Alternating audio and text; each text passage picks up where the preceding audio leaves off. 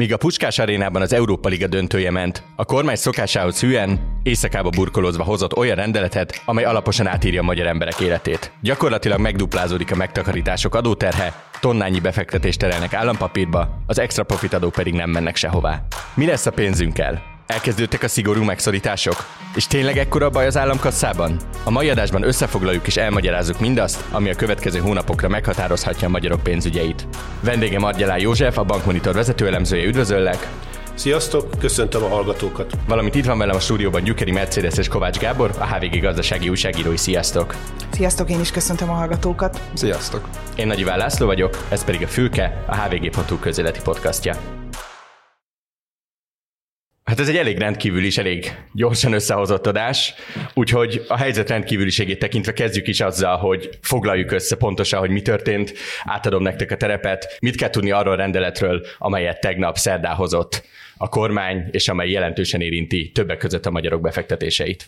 Rendeletről, hát én itt akár több rendeletet is említenék, de talán a legfontosabb az a kamatjövedelmeket kivetett új adóforma, gyakorlatilag új 13%-os adóval sújtják a kamatbevételeket, gyakorlatilag a szociális hozzájárulási adót terjesztik ki a kamatjövedelmekre július 1-től. És említettél ugye több rendeletet, mihez nyújt még hozzá a kormány?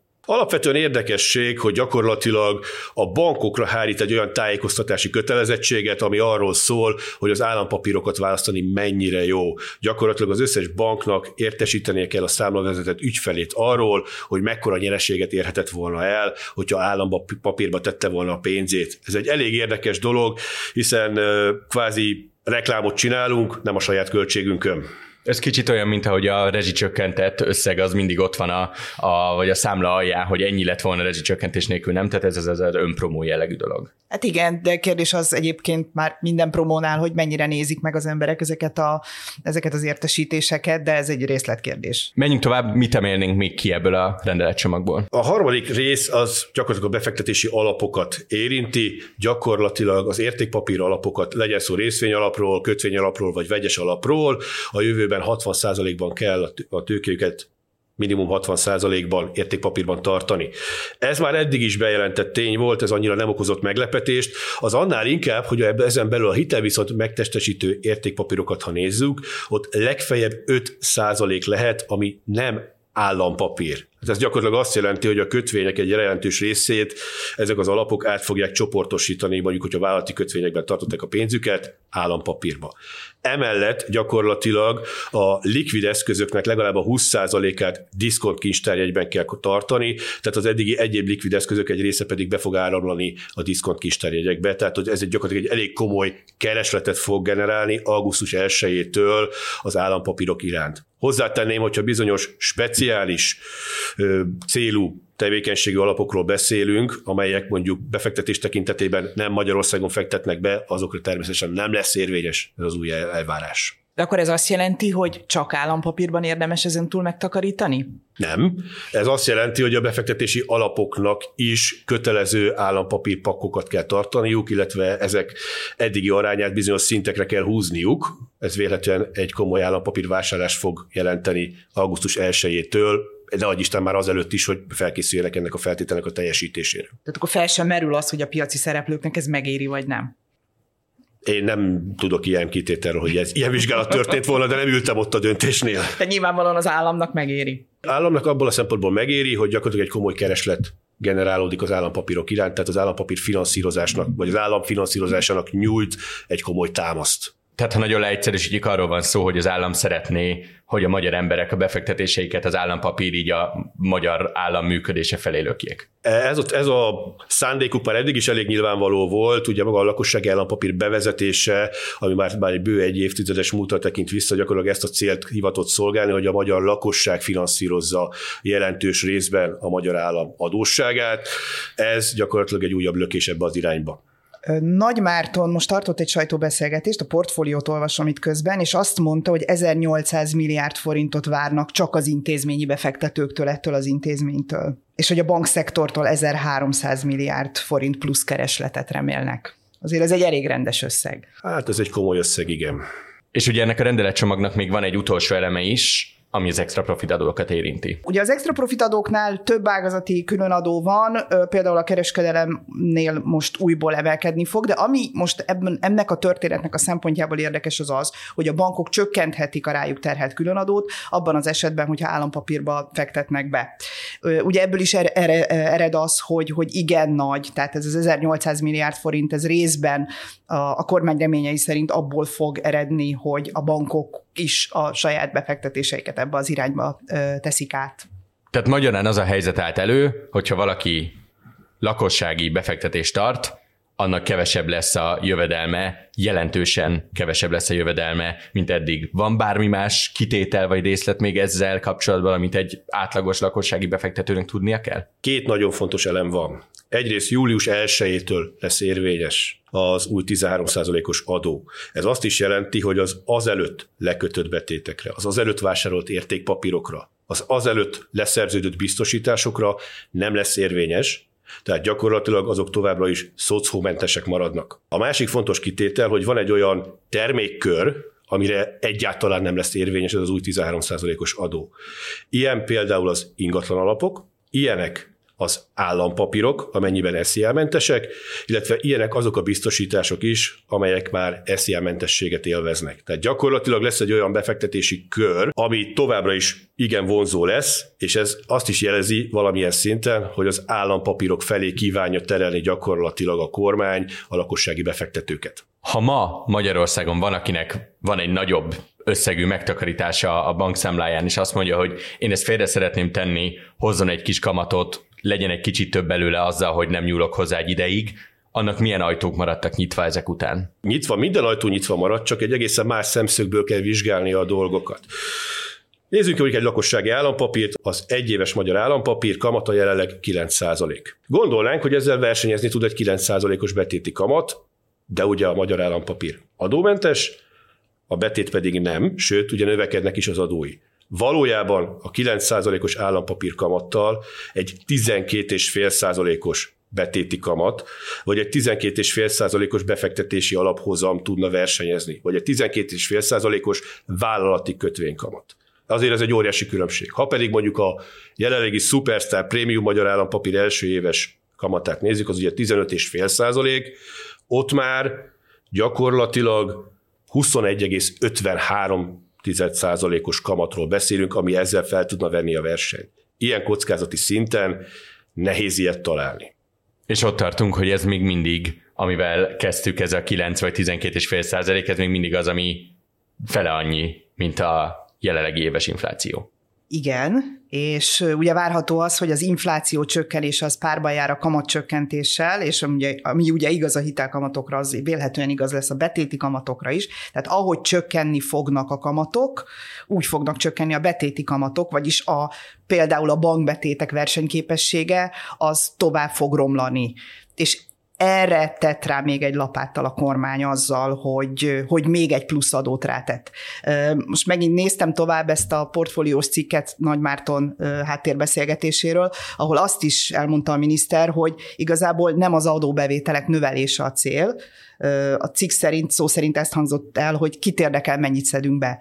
Vagyis, hogy itt, itt egyértelműen megint nem arról van szó, hogy az állam bevétele nőjön, hanem megint arról van szó, hogy a piacba nyúljon bele az állam a piaci szereplők versenyképességének a rontásával. Azért a betéteknél ne felejtsük el, hogy ugye azt a kormány is régóta nehezményezi, meg a jegybank is, hogy a, hogy a bankbetétek kamatai nem nőttek ám az elmúlt időben jelentősen, tehát ezek nagyon-nagyon le vannak maradva.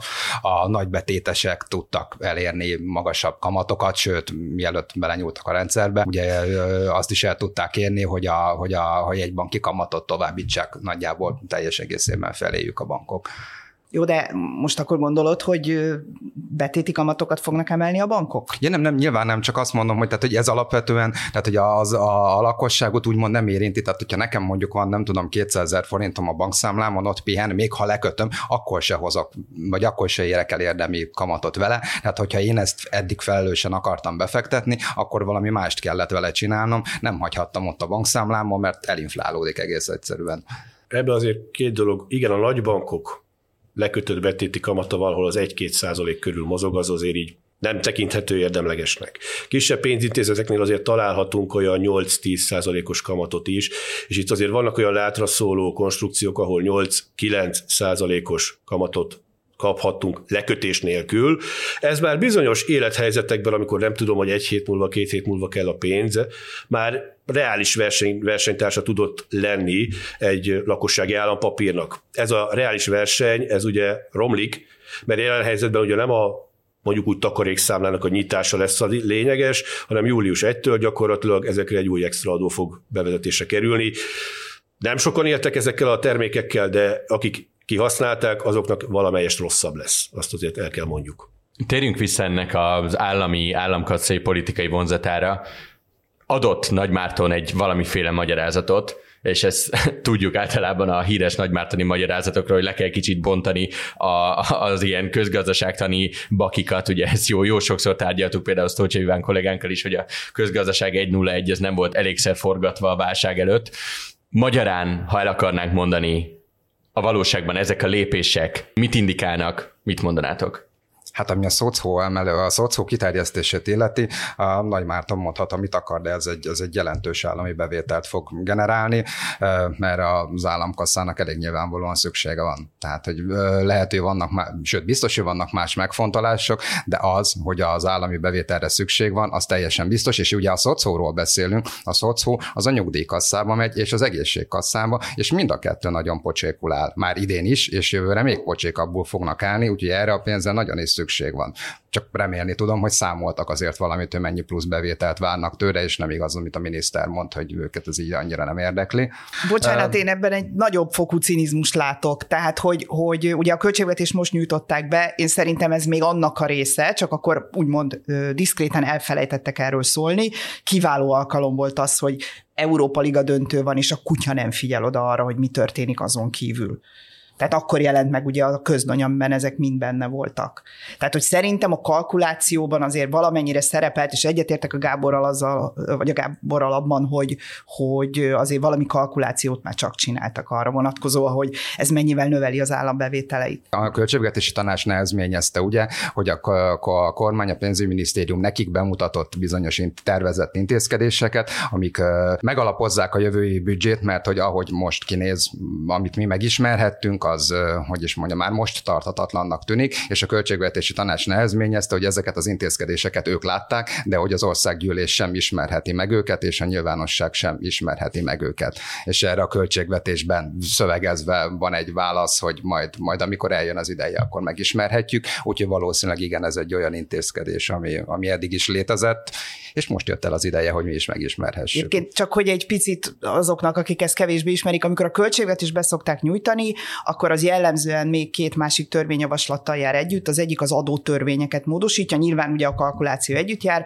a harmadik pedig úgynevezett megalapozó törvény. Ugye a három együtt az, amelyik kiadja azt, hogy mégis hogy képzeli el a, a kormány jövőre a magyar államháztartást adótörvényeket nem nyújtottak be. Ehhez képest kijött egy kormányrendelet, és nem arról, hogy jövő januártól mi fog változni, hanem akár július 1-től mi fog változni. De akkor elég súlyos probléma lehet az államkasszába, hogyha ehhez mellé még jön az a tény, hogy hiába ígérték az Európai Uniónak, nem fogják kivezetni az extra profit adókat, sőt valamelyest ö, egyes ágazatokban emelni is fogják őket vagy legalábbis az adóterheket. Hát nyilván lehet azt mondani, hogy ugye ahol növelik az a kiskereskedelem, hogy hát a kiskereskedelem az mekkora forgalmat ért el.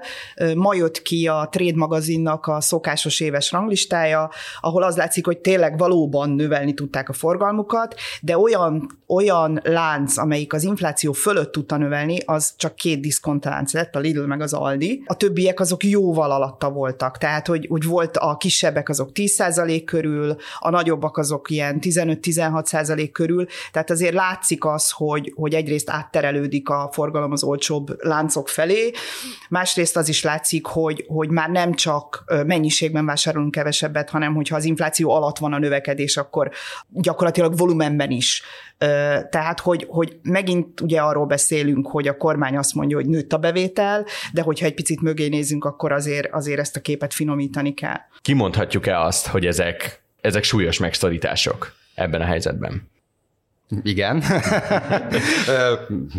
a, a szocó kiterjesztés az egyértelműen megszorítás, tehát ennek az, az államnak ebből plusz bevétele keletkezik, jövedelmet von el bizonyos gazdasági szereplőktől, lakossági szereplőktől is egyébként, ezt nyugodtan nevezhetjük megszorításnak. Én a magam részéről azt mondanám, hogy ez nem feltétlenül egy rossz megszorítás, ha már megszorítani kell. A magyar rendszerből mire hiányoznak a jövedelmi, vagy a izé vagyoni típusú közterhek. Tehát ugye 2010 óta gyakorlatilag ugye a fogyasztás van nagyon adóztatva, egyébként deklarálva is volt, hogy ők nem akarják a, a vagyonokat adóztatni, ez ebbe az irányba tett lépés, és egyébként a szociális érzékenységem azt mondatja velem, hogy nem árt ebbe az irányba elmozdulni, tényleg ne mindig a szegényeket adóztassuk azzal, hogy még a kenyér után is adóztatott adót kell fizetni, mert azt nekik is meg kell venni. Nem tudom, nagyon sajnálom azt, akinek, mit tudom én, 50 millió forintos betétje van, és most ezután majd többet kell adóznia, de, de inkább ő adózzon, mint az, akinek nem 50 millió forintja van a számláján, csak 5000 forintja. Úgyhogy igen, ez a része az egész egyértelműen tekinthető megszorításnak, ami meg az állampapír piac erősítését illeti, az inkább piaci beavatkozás, hogy is mondjam, az állam a saját finanszírozását akarja megkönnyíteni, és egyébként talán még erre is mondanám azt, hogy van pozitívan értékelhető része abban az értelemben, hogy esetleg talán lakossági megtakarításokat csatornáz állampapírba. Ugye az, az is köztudottan probléma, hogy a magyar lakosság pénzügyi tudatossága nem áll magas szinten, borzasztó pénzek pihennek például bankszámlákon, úgyhogy gyakorlatilag elinflálódnak, ugye, mivel ahogy beszéltük, a, a legtöbb bank nem fizet érdemi kamatot a, a bankbetétek után, hogyha ez jelentősebb lakossági megtakarításokat csatornáz állampapírba, akkor azzal a lakosság is annyiban jól jár, hogy legalább nem csak ott még a pénze a bankszámlákon. Viszont ha az extra profitadók maradnak, az azt is jelenti, hogy akár is próbálja bizonyítgatni a kormány, valójában a boltokba menve nem lesz sokkal könnyebb a helyzetünk, akkor se, hogyha közben az infláció szépen lassan indul lefelé, mert maradnak az extra profitadók, maradnak az árstopok, és kezdődik a kötelező akciózás is, ha jól értem. nem, hát kezdődik a kötelező akciózás, tehát csak jó lesz nekünk, nem? Nem, hát az extra profitadó, főleg a kiskereskedelmet, az egyértelműen megszorítás. Eddig is volt az, hogy marad, az azt jelenti, hogy marad a megszorítás. Egyébként azért ugye ennek infláció növelő hatása lesz, mert nem fog nőni az infláció, csak fékezni, az fogja, fékezni fogja a csökkenést ez is egy ilyen jó, jól bevett, vagy jól működő kormányzati megoldás, hogy egyéb gazdasági szereplőkkel végeztetik el gyakorlatilag az adóbehajtást. Most az történik, hogy nem a lakosságra terhelnek mondjuk valami, tehát valamilyen adót bevezetnek a lakosság számára, ami közvetlenül érinti a lakosságot, vagy megemelnek, hanem megtartja a, a kiskereskedelmi különadót. A, nyilván ezt a kiskereskedőnek ki kell gazdálkodnia, hogy gazdálkodja ki, úgyhogy emeli az árait, vagy legalább igen, emeli az árait, csökkentés azért nem nagyon merül fel. Akkor viszont, ha jól értem, ez a mostani lépés akármennyire is sunyi, éleple alatti és nagyon aktívan érinti a magyar lakosságot, relatíve könnyen kommunikálható, hiszen kik fizetnek a cégek, és hogyha visszafordítom ellened ezt a szociálisan érzékeny megközelítést, a gazdagok. Amit mondjuk egy Fidesz szavazótábornál el tudom képzelni, hogy működik, hogyha ha azt mondják, hogy jobb az, hogyha vagyonosok fizetnek a megtakarításaik után, mint hogyha az átlag emberek fizetnének, mert nekik ott van az ástop meg az akció. Hát meg nyilván ott van az az üzenet is, hogy de mi ajánlunk egy jobb opciót. Tehát, hogy megint ugye ahonnan elindultunk, hogy mint amikor a rezsicsökkentésnél odaírjuk, vagy odaírják a számlára, hogy mer az állam kegyelméből neked mennyivel jobb. Most megint itt tartunk, tehát megint ott tartunk, hogy de hogyha te állampapírba teszed a pénzedet, akkor mennyivel jobban jársz. Igen, tehát én is azt látom, hogy egyébként a szótszó amellett, hogy mivel egy, gyakorlatilag egy új adó nem nevezhetjük megszorításnak, emellett ugyanaz a célja, mint a másik háromnak, az állampapírok felé terelje a lakossági befektetőket. És ha megnézzük, hogy majd most is van egyfajta kamatelőny a lakossági állampapíroknak a többi lakossági befektetéssel szemben, ez a kamatelőny önmagában attól nőni fog, hogy nem történik semmi, csak bevezetítnek egy új adót. Ez pedig nem állítom, hogy ez a cél, de lehetőséget teremt arra, hogy a lakossági állampapírok kamatát valamelyes csökkentsék. Hiszen még mindig ugyanannyira megéri ezt választani, mint korábban abban a kormánynak igaza van, ez egy, ez, egy, ez egy jó folyamat évek óta zajlik, tehát hogy sokkal egészségesebb, hogyha az államadóságot belföldről finanszírozzuk ugye minél nagyobb a külföldi kitettség, főleg deviza kitettség, az, az annál veszélyesebb értelemszerűen, már csak mondjuk amiatt, hogyha leértékelődik a forint, akkor a, az államháztartás terhe is rögtön nő. Tehát Kivéve ez... persze, amikor mondjuk dollárkötvényeket, meg eurókötvényeket jegyez az állam, ezt bocsánat, csak azért szúrom most közbe, mert ugye ilyen azért rendszeresen előfordul, de általában ott arról van szó, hogy egy korábbi rosszabb feltételű hitelt váltanak ki. Tehát, hogy azért deviza adóssága rendesen van az államnak. Azért az látható volt, hogy,